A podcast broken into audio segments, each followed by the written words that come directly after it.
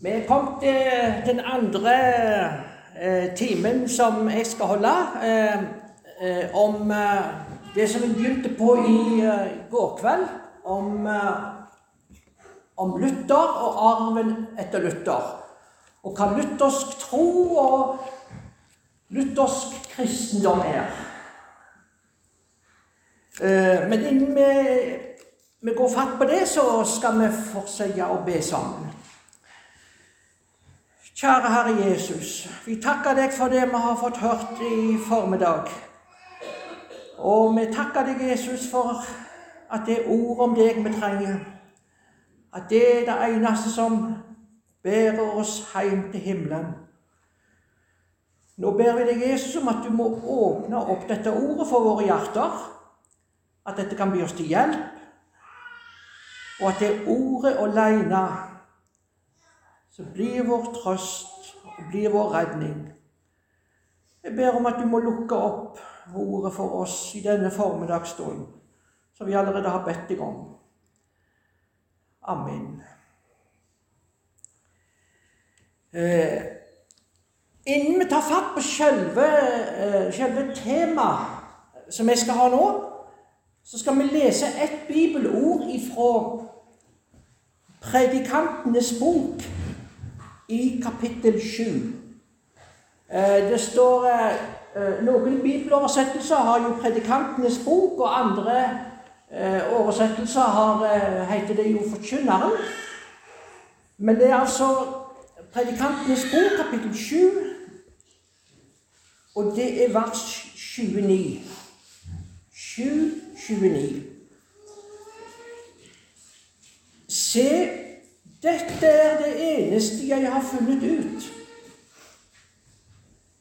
Gud skapte mennesket som det skulle være, men de har mange underlige ting for seg. Ja.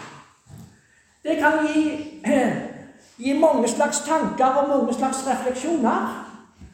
Men saken er at vi lever vel i ei veldig, veldig forvirra tid på mange vis. Eh, og vi lever også i ei veldig sånn forvirra eh, tid sånn åndelig sett òg. Eh, og jeg tenkte bare på en ting som sto i avisa Dagen for eh, Det var i 2017, så det er jo fire år siden. Da hadde avisa en stor, stor artikkel, en stor undersøkelse som var blitt gjort, eh, der de skulle undersøke forskjellen mellom katolikker og protestanter. Og de hadde gjort en ganske, ganske stor Og de viste til en ganske stor undersøkelse som var blitt gjort. Eh, eh, som var blitt gjort med 25 000 i 15 eh, land, i 15 vesteuropeiske land. Og i tillegg så var det 5000 fra USA. Så her er det snakk om 30 000 personer. Så det var en ganske stor, stor undersøkelse. Og det som kom fram i den undersøkelsen, var at flere og flere tenker katolsk. En katolsk tankegang eh, som går ut på, eh, som det også kom fram i undersøkelsen, at hva er det som skal til for å komme til himmelen? Hva er det som er nødvendig for at du og meg skal havne i himmelen til slutt? Jo, tro på Jesus er ikke nok alene. Men tro og gode gjerninger er nødvendig for å komme til himmelen. Altså, frelsen, selve frelsen min, er avhengig av en kombinasjon av tro og gode gjerninger. Kom det fram i den undersøkelsen. Og dette viste altså at flere og flere, flere enn før, tenker i den retningen der. Og da er vi jo ille ute. hvis det er en kombinasjon av tro og gode gjerninger som skal føre deg og meg til himmelen Hvor langt på den himmelstien har du klart å klatre i form av gode gjerninger? Og er du sikker på at du har klart å oppnå dette og gjort alle de gode gjerninger som kreves før du forlater dette livet? Eh, under reformasjonen så var det tre slagord som fikk ganske, ganske stor eh, ja, som skapte ganske stor debatt. Og det er disse tre slagordene som skal samle oss nå i formiddag. For å hjelpe oss nå på sporet om hva det vil si hvordan vi skal bli frelst og komme til himmelen. Og alle disse slagordene de begynner med sola. Det er sånn et latinsk uttrykk, sånn som vi hadde i går. vet du, Vi snakket om uh, om samtidig rettferdig og samtidig synder. Uh, så er det også et sånt slagord i dag òg. Og alle disse slagordene begynner altså med sola. Og det første slagordet vi skal stoppe for, det er det slagordet som heter Sola scriptura. Sola scriptura. Og det betyr Skriften alene betyr det. Skriften alene.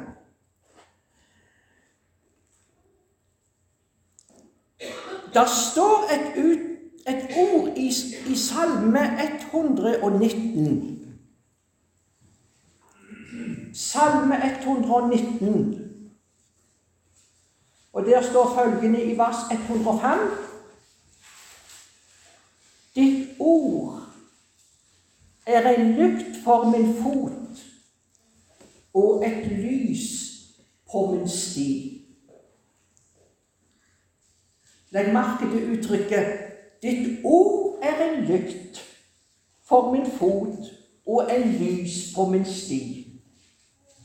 Altså, uten at vi har dette Gudsordet, så går faktisk et menneske i mørket.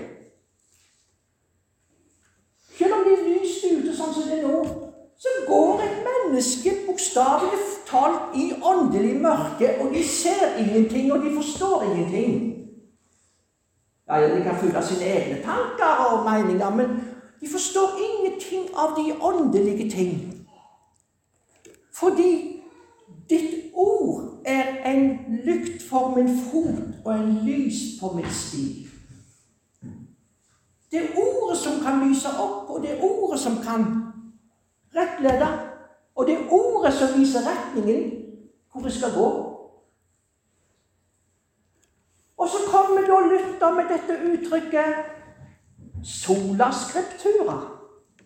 Skriften alene. Ja, vi må se litt mer på det. Jeg skal vise til en, eller jeg skal sitere en liten, et par setninger av en, av en preken Luther holdt. Og så sier Luther følgende i den prekenen at den som ikke spør Den hellige Skrift til råds, han får aldri vite noen ting. Legg merke til hvordan, hvordan ordlegger seg. Den som ikke spør Den hellige Skrift til råds, han får aldri vite noen ting. Nå vet vi hvordan vi kan bli reddet fra døden og djevelen, og hvem som har forløst oss. Det lærer vi bare ifra den bok som heter Den hellige skrift. Og dette ordet er, dette, dette som Luther sier her, er jo helt i overensstemmelse med det som vi henviste til i, fra Salme 119, at ditt ord er en lykt for min fot og en lys på min sti. Fordi at dette ordet, det er det som kan lyse. Og det er det som kan vise retningen. Det er det som er hele saken her. Og når Luther ordlegger seg på denne måten her At det er Skriften alene så utelukker jo det alle andre autoriteter. Det gjør egentlig det. Det utelukker alle andre autoriteter. Uh, og dette gjelder både i forhold til hvordan vi, skal, hvordan vi skal bli en kristen, men også hvordan vi skal leve som en kristen. Spørre andre, eller, eller, eller spørre vårt eget hjerte. Jeg tenker liksom I forhold til hvordan vi skal leve som kristen, så det er noen som på en måte har, uh, har funnet en en, leve, en livsstil, en, en, måte å leve på som ikke er i samsvar med Guds ord. Og så sier de det at ja, men jeg følte, eller jeg føler det er rett for mitt vedkommende. Og jeg er overbevist for min egen del, osv. Nei, men saken er nemlig at det som hele tida må bli hovedsaken for oss her, det er ordet, og det er ordet alene. For som Luther sa her Den som ikke spør Den hellige skrifteråds, han får aldri vite noen ting, står der. Og så skal vi minne hverandre om nå i formiddag dette viktige Skriften alene. Sola scriptura. Um, Luther var jo en mann som Ja, han var en som var ganske, kunne være ganske krass til tider. Han eh, var en gang i en disputasjon. Altså, en disputasjon det betyr altså Han var altså i en offentlig eh, han, var i en offentlig diskusjon, da, eh, om et bestemt tema. Og denne disputasjonen som han var sammen med, var, uh, som han hadde, det var sammen med en katolsk prest som, som het for Johannes Eck. Og denne her Eck han var ganske, ganske skarp teolog. Men, eh, men eh, Luther han var altså ganske krass, han òg. Og så eh, Ja, så holdt de på, og så var, veldig, var Luther veldig kritisk da til, til paven og til pavens myndighet. Og så sier Luther det at ja, men paven òg kan ta feil. Ja, det er akkurat det. Paven òg kan ta feil. For det som egentlig blir det store, store hovedspørsmålet her Hvem er det som skal ha det siste ordet og det avgjørende ordet i lærespørsmål? Er det et kirkemøte? Nei. Er det paven? Ja, sier katolikkene. Han, han er jo ufeilbarlig når han uttaler seg i lærespørsmål. Nei. Eh, og de hadde jo et, eh, et, eh, et sånt stort trient. I, I Trient så var det et sånt stort konsil. Det begynte jo egentlig i 1545. Det heter jo egentlig Ja, det var jo egentlig et ja, kirkemøte, eller det konsil heter det jo egentlig da. Og da ble det gjort et vedtak. Og vedtaket gikk ut på at Skriften og tradisjonen skulle være likestilt. Og så har ikke de gått tilbake på det inntil nå. Og så kommer Luther på banen, og så sier han nei, sier Luther. Skriften alene skal være vår eneste autoritet i alle ting. Og da kan vi igjen minne om det ordet fra Salme 119, bare for å ha liksom dette i bakhodet hele veien. Ditt ord er en lykt for min fot og et lys på min sti. Det er ordet som skal lyse opp for oss hvor vi skal gå, hvordan vi skal leve, hvordan vi skal innrette vårt liv. Det er ordet. Bare en, et par ting til før vi avslutter den første, den første delen her. Eh, vi skal huske på det at eh, Luther han, eh, han kjempet ikke bare på den ene fronten mot, mot, eh, mot pavekirken. Eh, egentlig så kan du si at eh, når Luther kjempet sine kamper, så besto de kampene i Han kjempet på to fronter. Den ene sida var det som var pavekirken, som vi nå har snakket litt om. Men den andre sida, eller den andre motstanderne, det var disse som ble kalt for svarmerne.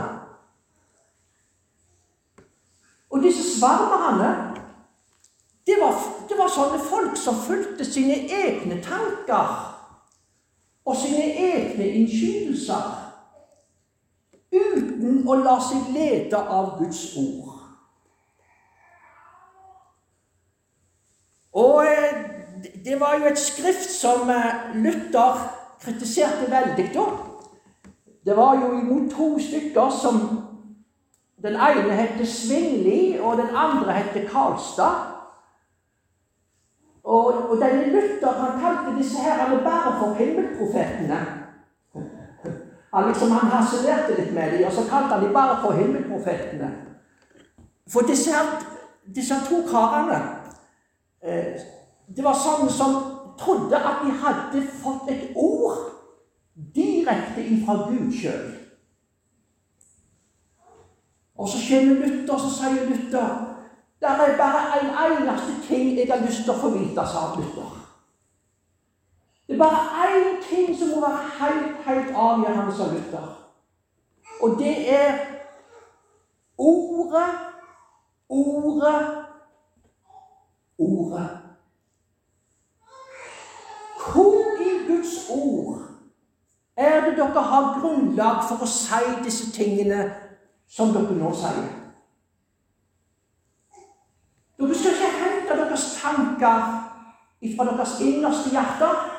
Men hvor i ordet står det som dere nå sier, sier Luther? Og det er dette som må få være avgjørende for oss, og som må på en måte være vår, det som sier vår ledestjerne. Det er ordet. Sola scriptura. Skriften alene. Det står et ord her i, i 2. Peters brev som eh, kan minne oss noe om disse tingene. 2. Peters brev, kapittel 1, vers 19. 2. Peter 1, 19. Desto fastere har vi det profetiske ord, som dere gjør vel i å akte på. Det er som en lampe som lyser på et mørkt sted, inntil dagen lyser frem og morgenstjernen går opp i deres hjerter. Og det var spesielt den setningen her. Der er som en lampe som lyser på et mørkt sted. Verden ligger i det mørke. Åndelig sett så ligger, det, ligger vi i et totalt mørke. Og det er bare en eneste ting som kan lyse opp og vise retningen. Og det er ordet, og det er ordet alene. Og Det er det første punktet som vi må få understreke sterkt her i formiddag. Sola scriptura, Skriften alene. Det andre uttrykket som skal samle oss, det er sola fide. Sola fide. Og det betyr troen alene. Troen alene. Når du leser om de ulike religioner, så ja, så står de ulike religioner for mange, mange, mange ulike ting eh, innenfor sin lærdom. Men det er ett fellestrekk som går igjen i alle religioner. Og det fellestrekket er dette gjerninger. Gjerninger. Du må gjøre noe for å komme til himmelen. Og bare for å vise til den undersøkelsen som jeg begynte med innledningsvis, tenker folk mer og mer og mer i den retning der. At det må jo være altfor lettvint å ha et ord. Å leve på noe som en annen faktisk har gjort for meg. Ja Det blir for lettvint. Jeg må gjøre noe, jeg må prestere noe. Jeg må oppnå noe. Jeg må vise til noe overfor Gud. Som viser faktisk at jeg er verdig til å komme inn i himmelen. Og så skal vi minne om det andre uttrykket for reformasjonen, som er like tidsaktuelt inn i vår tid. Sola fide. Troen alene og når vi sier, og du legger merke til at alle disse her sola-begrepene de, Når vi sier sola, så betyr det alene. Altså Og det er viktig å understreke alene. Og når vi sier sola fide her, troen alene, så utelukker det alle mine gjerninger, faktisk i prestasjon for å oppnå noe hos Gud. Det gjør det.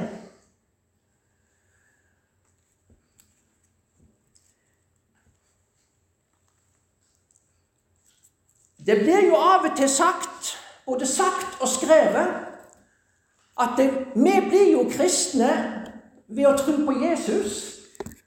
Men eh, disse som levde i Det gamle testamentet, de ble frelst og fikk bli, komme inn i et rett forhold til Gud ved å følge lovens bud og lovens ord.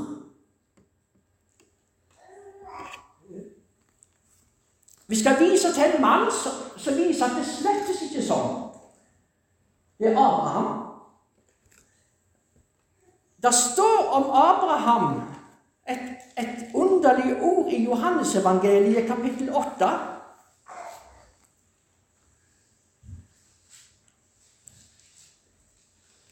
Det er Jesus som snakker her i kapittel 8 i Johannesevangeliet.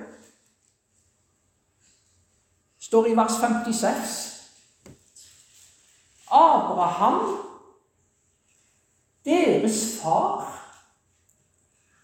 frydet seg til å se min dag. Og han så den og gledet seg. Ja, nå, nei, nå, nå, nå, nå Jesus, nå, nå, begynner du å bli rar her. Fordi jødene sa da til ham du er ennå ikke, ikke 50 år og har sett Abraham. Nei, det er umulig, det. Husk på det Jesus Abraham levde jo i Det gamle testamentet, han. Det er lenge, lenge, lenge lenge, lenge siden det er Abraham. Jesus. Du er ikke 50 år ennå, du. Du har sett Abraham. Jesus sa til dem, sannelig, sannelig, sier jeg dere, jeg er før Abraham ble til. Kan du forstå det? For tanken er det veldig, veldig vanskelig å erkjenne å forstå det. Men han var det. Han som er fra evighet av. Men det var dette ordet om Abraham jeg hadde lyst til å nevne her. Fra Romerbrevet kapittel 4. Romerbrevet 4, vers 1. Hva skal vi da si at vår far Abraham har oppnådd etter kjødet? Der som Abraham ble rettferdiggjort på grunn av gjerninger, da har han jo noe å rose seg av. Men det har han ikke for Gud. For hva sier Skriften? Abraham trodde Gud, og det ble tilregnet ham som rettferdighet. Abraham fikk det rett med Gud ved å tro på det løftet og på han som skulle komme. Han trodde på løftet, satte sin lit til det. For hvis Abraham skulle blitt rettferdiggjort av gjerninger, da hadde han jo noe hos seg for. Det var ingen gjerninger. Han trodde på et løfte. Han trodde Gud står der. Og det ble tilregnet ham som rettferdighet. Og sånn er det òg med deg og meg. Vi blir frelst ved å tro på Han som allerede er kommet, på Jesus. Og hvis dette skulle være avhengig av meg Mine prestasjoner, noe som jeg skulle det, det var noe som krevdes. Tenk hvis det sto en hvis det sto en kravliste, en liste med forskjellige krav som ble forlangt, som jeg skulle oppnå for å komme inn i himmelen. Og så hvert år, med årets slutt, skulle du gjøre opp status og dette skulle du sende Nei, du skulle, ikke sende det inn, men du skulle på en måte gjøre opp en slags status. Skulle du krysse av Har jeg oppnådd det? Har jeg oppnådd det? Har jeg oppnådd det? Å ja. Nei, det har ikke gått, det skjønner du. Hvis du ser videre her i det, femte, i, i det femte kapittelet i Romerbrevet, så står det i det første vers da vi nå er rettferdiggjort av tro, har vi fred med Gud ved vår Herre Jesus Kristus, står der.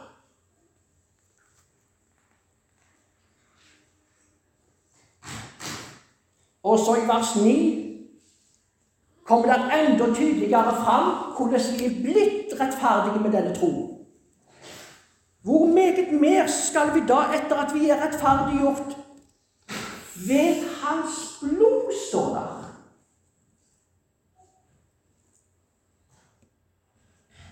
Rettferdiggjort ved hans blod. Bli frelst fra vreden. Og dette viser med det at det frelsen den er blitt gjort utenfor meg. Jeg får del av troen, ja.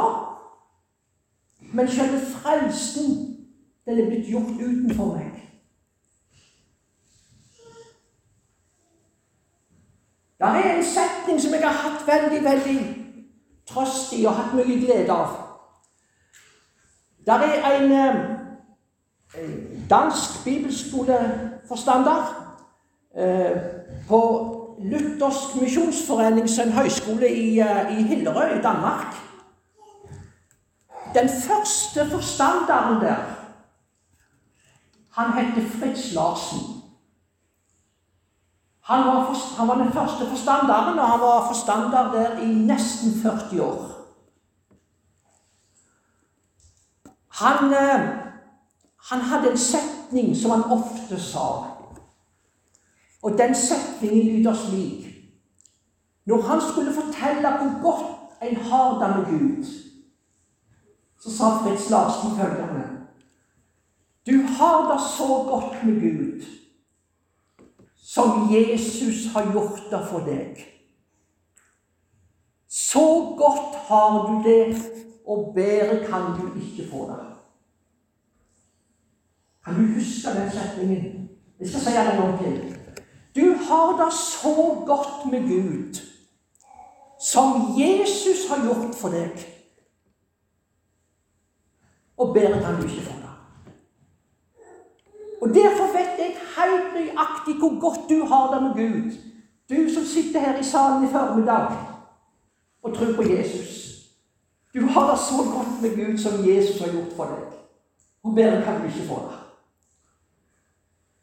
Og det er nettopp fordi sola fide, troen alene, det utelukker alle mine gjerninger, og jeg bare får lov å lite på Han alene.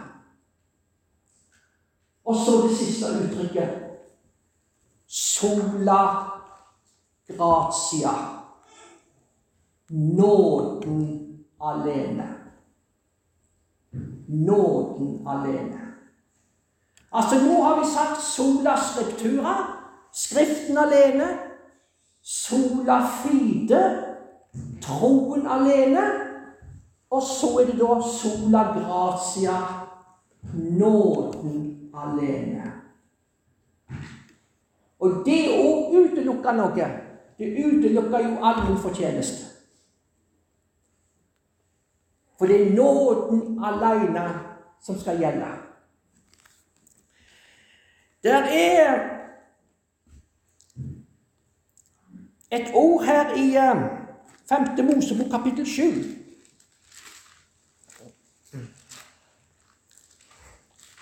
Femte Mosebok 7. Femte Mosebok 7.7. Ikke fordi dere var større enn alle andre folk, fant Herren behag i dere, så han utvalgte dere. For dere er de minste av alle folkene.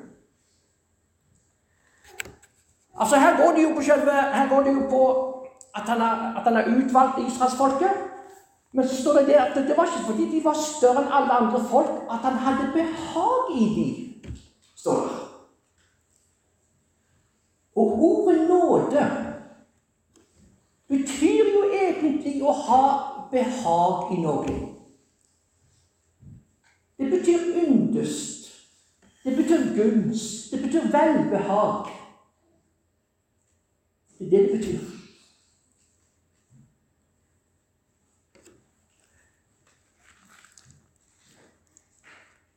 Et av de mest alvorligste kapitlene tror jeg nok vi har i vår bibel, eller i hvert fall et av de mest alvorligste, det er nok kapittel 25 i Matteusevangeliet.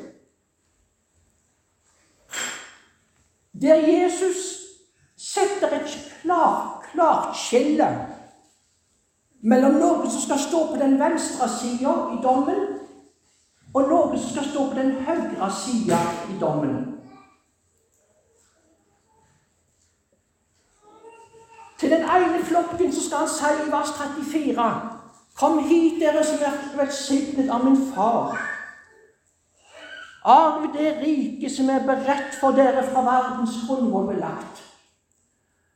Og så sier han til disse på den andre sida, i vers 41, Gå bort ifra meg, dere som er forbannet, til den evige ild, som er beredt for djevelen og hans engler. Her har du utgangen, eller utgangene, på livet. Og i en av disse to utgangene må du og meg gå i. Det finnes ingen halvkristne. Det er noen som er beredt for fortapelsen, eller som eh, Nei, som ikke, ikke beredt, men, men eh, fortapelsen var beredt for djevelen hans engler. Men så var det noen som er forbannet, og som må gå bort til den evige ild. Mens til de andre skal han si Gå bort, kom hit, dere som er velsignet av min far, av det riket som er beredt for dere fra verdens grunnvoll ble lagt. Og så avsluttes det i vers 46. Disse skal gå bort til evig pine, men de rettferdige til evig liv. Og så blir det store, store hovedspørsmålet, da.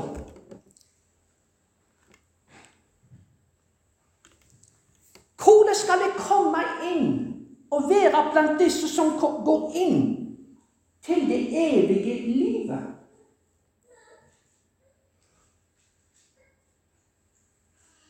Hvordan skal det skje? Og da er det ett ord som har hjulpet meg i den forbindelsen her. Og det er et ord ifra Salme 5. Salme 5. Og der står det i vers 13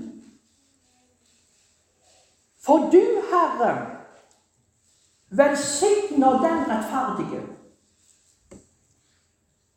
Som et skjold så dekker du ham med nåde.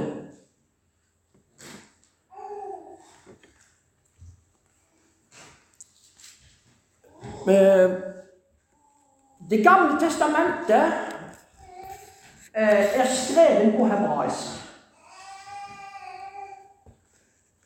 Og på hebraisk så har vi noe som heter en, en parallellisme. En parallellisme betyr at du sier en ting, og så sier du neste ting igjen. Men da bare bruker du andre ord og uttrykk. For hele poenget er at den, første, den andre setningen skal bare kaste lys og forklare den første setningen. I virkeligheten er de to setningene du sier, de er helt like. Det er altså noe som går parallelt. Men den andre setningen sier du bare på en litt annen måte, sånn at den skal forklare den første setningen. Det er én type for parallellisme. Og her har vi en sånn typisk parallellisme her i, i Salme 5. For her i vers 13 står følgende og Nå skal vi lese første setningen. Du, Herre, velsigner den rettferdige. Husker du hva vi leste fra Matteus 25? Om, om hvem som skulle gå inn til det evige livet. De rettferdige leste nå. Det var de rettferdige som skulle gå inn til det evige livet. Å, Jesus, jeg ønsker å være blant de rettferdige. Men hvordan kan jeg vite at jeg er blant de rettferdige, da? Og så kommer Salme 5, vers 13, og så begynner han med første setning. Du, Herre, velsigner den rettferdige. Og jeg ønsker å være blant deg du velsigner, Herre, for da får jeg være rettferdig. Og så et punktum. Så kommer neste setning. Som med et skjold dekker du ham med nåde. Den andre setningen, som er et skjold så dekker du ham med nåden, den sier akkurat det samme som den første setningen. Det er ikke så lett kanskje å forstå akkurat det der, men den skal bare forklare den, den første setningen. Altså, hva er poenget her?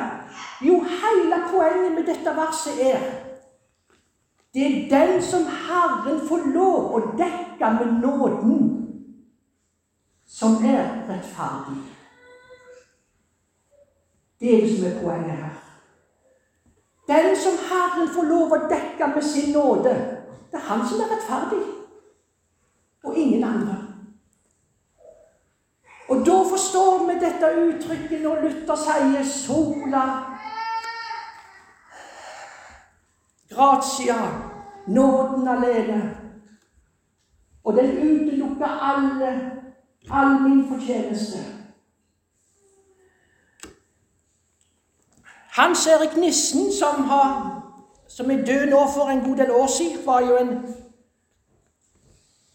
sånn ettertrakta eh, forkynner i hele Norden. Han eh, har hatt gleden av å truffe han en del ganger. Og, og det var en gang han fortalte en historie som gjorde et veldig veldig sterkt inntrykk på ham. Og når han da fortalte den, så kjente jeg at det var, var liksom gjenklang her inne òg. Han fortalte den tida han var prest. Han eh, holdt noen gudstjenester i kirken. Midt i uka.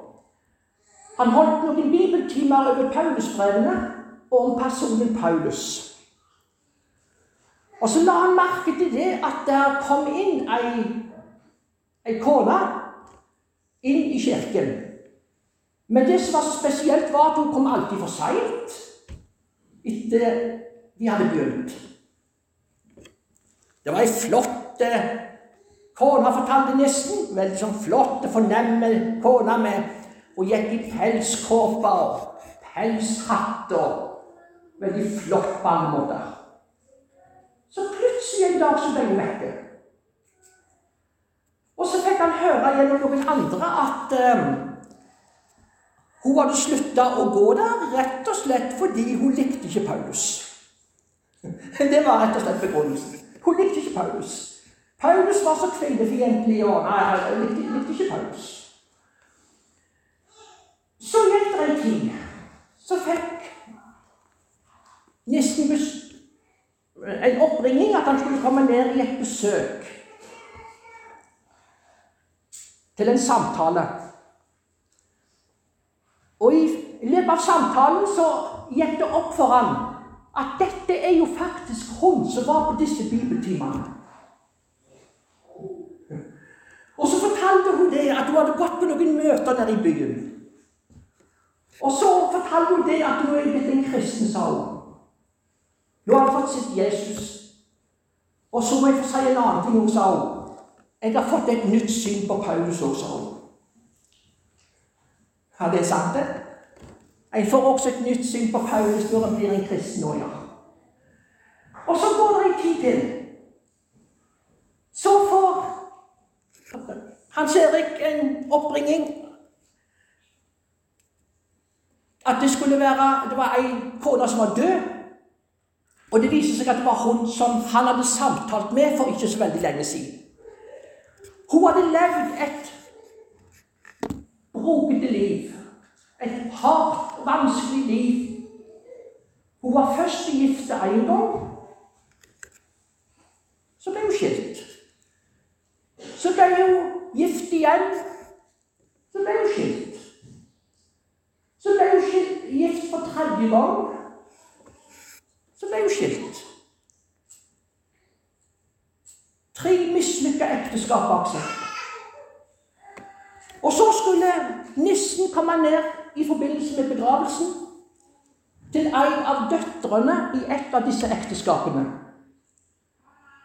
Og Så kommer han inn der, og så sier hun dattera at ja, det gjelder begravelsen til mor. Eh, du trenger i ikke bekymre deg, sa hun. For hun mor hun har bestemt alt. Hun har bestemt det du som skal tale. Hun har bestemt hva tekst du skal tale over. Hun har bestemt hva sogner som skal synges. Ja, hun har i grunnen bestemt alt i sammen, sa hun. sa dattera.